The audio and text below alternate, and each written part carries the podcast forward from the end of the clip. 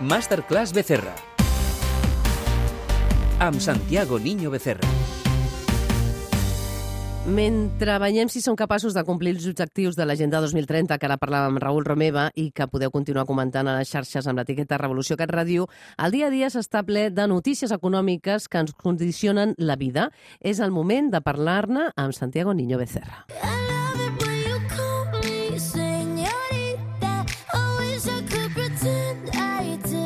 Bona nit, Santiago. Què tal, Chantal? Què tal? Bona nit. Què tal? Veus el món complint els objectius de l'Agenda 2030? Tu que, mm, a la, que t'autodefineixes, no? Sempre com a realista? No sé, jo llegeixo coses, sento coses i no, no les entenc. Per exemple, no sé si has, has llegit les, mm, bueno, l'anunci que ha fet eh, el president de França, el Macron, eh, també, mm, no, no li diu Agenda 2030, però bueno, també posa com a horitzó 2030 unes inversions megabestials. Jo, jo davant de... A veure, que segur que, que són correctes, no?, eh, el que ha plantejat el president de França. Encara, jo ara, mm, quan mm, veig coses aquestes, jo sempre em pregunto el mateix, com es pagarà això? Com es paga això? Uh -huh. Uh, per cert, ara que molta gent acaba de, de gaudir del pont de la Pilar, Santiago, les ocupacions -huh. turístiques han estat molt elevades. Què et sembla? Hi ha diners i ganes de gastar-los? Bones notícies, ara que la, la pandèmia fa baixada ja? Sí, però jo, jo eh, Central, mm, jo, jo crec que eh, estem mm, a, a dos nivells, o estem parlant eh, amb dos... Eh, mons diferents. És a dir, a veure, tu vas als bars i estan plens, les terrasses plenes, eh, les carreteres plenes. Però jo, per exemple, parlo amb gent que té botigues i em diu que mm, eh, el setembre ha sigut el pitjor setembre en 20 anys, eh, que bueno, eh, no s'estan complint les seves expectatives ni, ni de lluny, Eh, I llavors jo eh, arribo a una conclusió. Eh, durant un any les, les persones, la població, ha estat tancada a casa, eh, o pràcticament un any, eh, vol sortir i eh, els diners que té mm, se'ls gasta per sortir però el consum mm, és un consum limitat i pobre. I clar, mm, és a dir, està molt bé que eh, es gasti en unes coses, però també altres coses també generen PIB. Mm, I llavors la conclusió que s'arriba és que no hi ha diners per tot. Uh -huh. No hi ha diners per tots. També volem parlar avui en aquesta secció de la inflació, perquè, com sabeu, ja hem parlat diverses vegades amb el Santiago, puja la llum, pugen els preus, i la inflació puja. Et semblen preocupant les dades, la, la pujada de la, de la llum uh, i dels combustibles? Ha disparat la inflació al 4%, la, mm. no? és, la, és la quota més alta en 13 anys. Sí, a veure, aquí hi ha un grup d'economistes que diu que això mm, serà temporal. De fet, les, les principals organitzacions internacionals, el Fons Monetari Internacional, Banc Mundial, Banc Central Europeu, diu que això serà temporal fins al desembre i després anirà mm, baixant eh, i, i, i ho raonen, i ho raonen i ho raonen bé. Però, per altra banda, també hi ha un grup d'economistes que diu que la inflació eh, ha arribat per quedar-se i també ho raonen i ho raonen bé. Mm, clar, ara em preguntaràs, si tu amb què et quedes?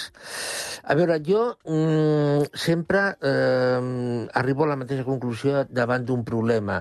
La inflació mm, a qui beneficia? I la resposta és que a molt poca gent. És a dir, no beneficia els salaris, és cert que beneficia la deuta pública, perquè, mm, vull dir, la, rebaixa les deutes, però mm, eh, a la borsa tampoc li, li beneficia, no beneficia els beneficis. Eh, a Espanya estem arribant a, a punts realment molt preocupants i eh, Sidenor, que és una empresa, una de les principals empreses siderúrgiques europees, bueno, pues ha, ha aturat la producció durant 20 dies, 20 dies, perquè, no per manca de subministres, com, com per exemple l'automòbil, sinó perquè l'electricitat mm, li arriba a produir a uns costos que no podia vendre, no podria vendre eh, el que fabriqués amb aquests costos. Llavors s'atura la producció. Uh -huh. Jo crec que la inflació s'aturarà perquè no, mm, hi, ha, hi beneficia molt poques persones eh, i perjudica moltíssimes. Clar, perquè l'Organització de Consumidors ha publicat eh, un estudi que demostra que aquest augment del preu de la llum ja repercuteix en el preu de les coses. Això, per sí. tant, no anirà més, creus, i, per tant, serà més calmat.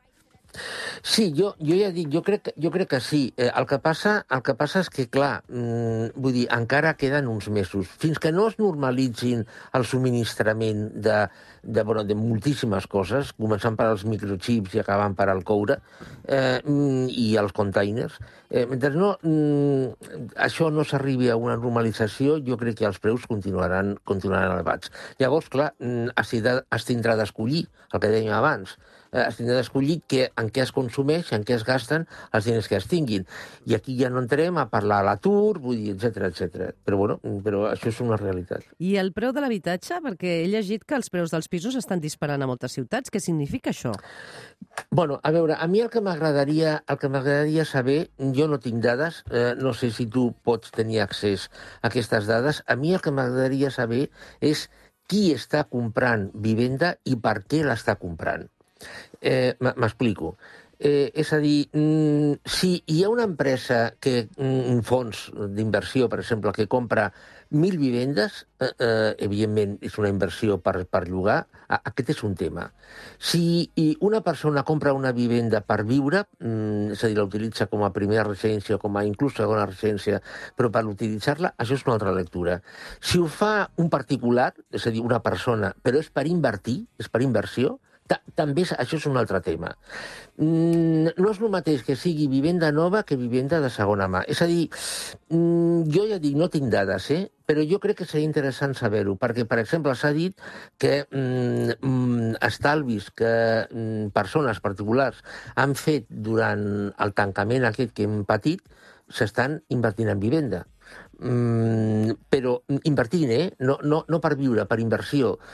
I, i, llavors, clar, això té una lectura mm, que està tensionant els preus al, al, cap, cap, a, cap endavant, eh, a l'alça, però no està mm, beneficiant, el, per exemple, el jovent per, mm, per poder viure, per poder residir.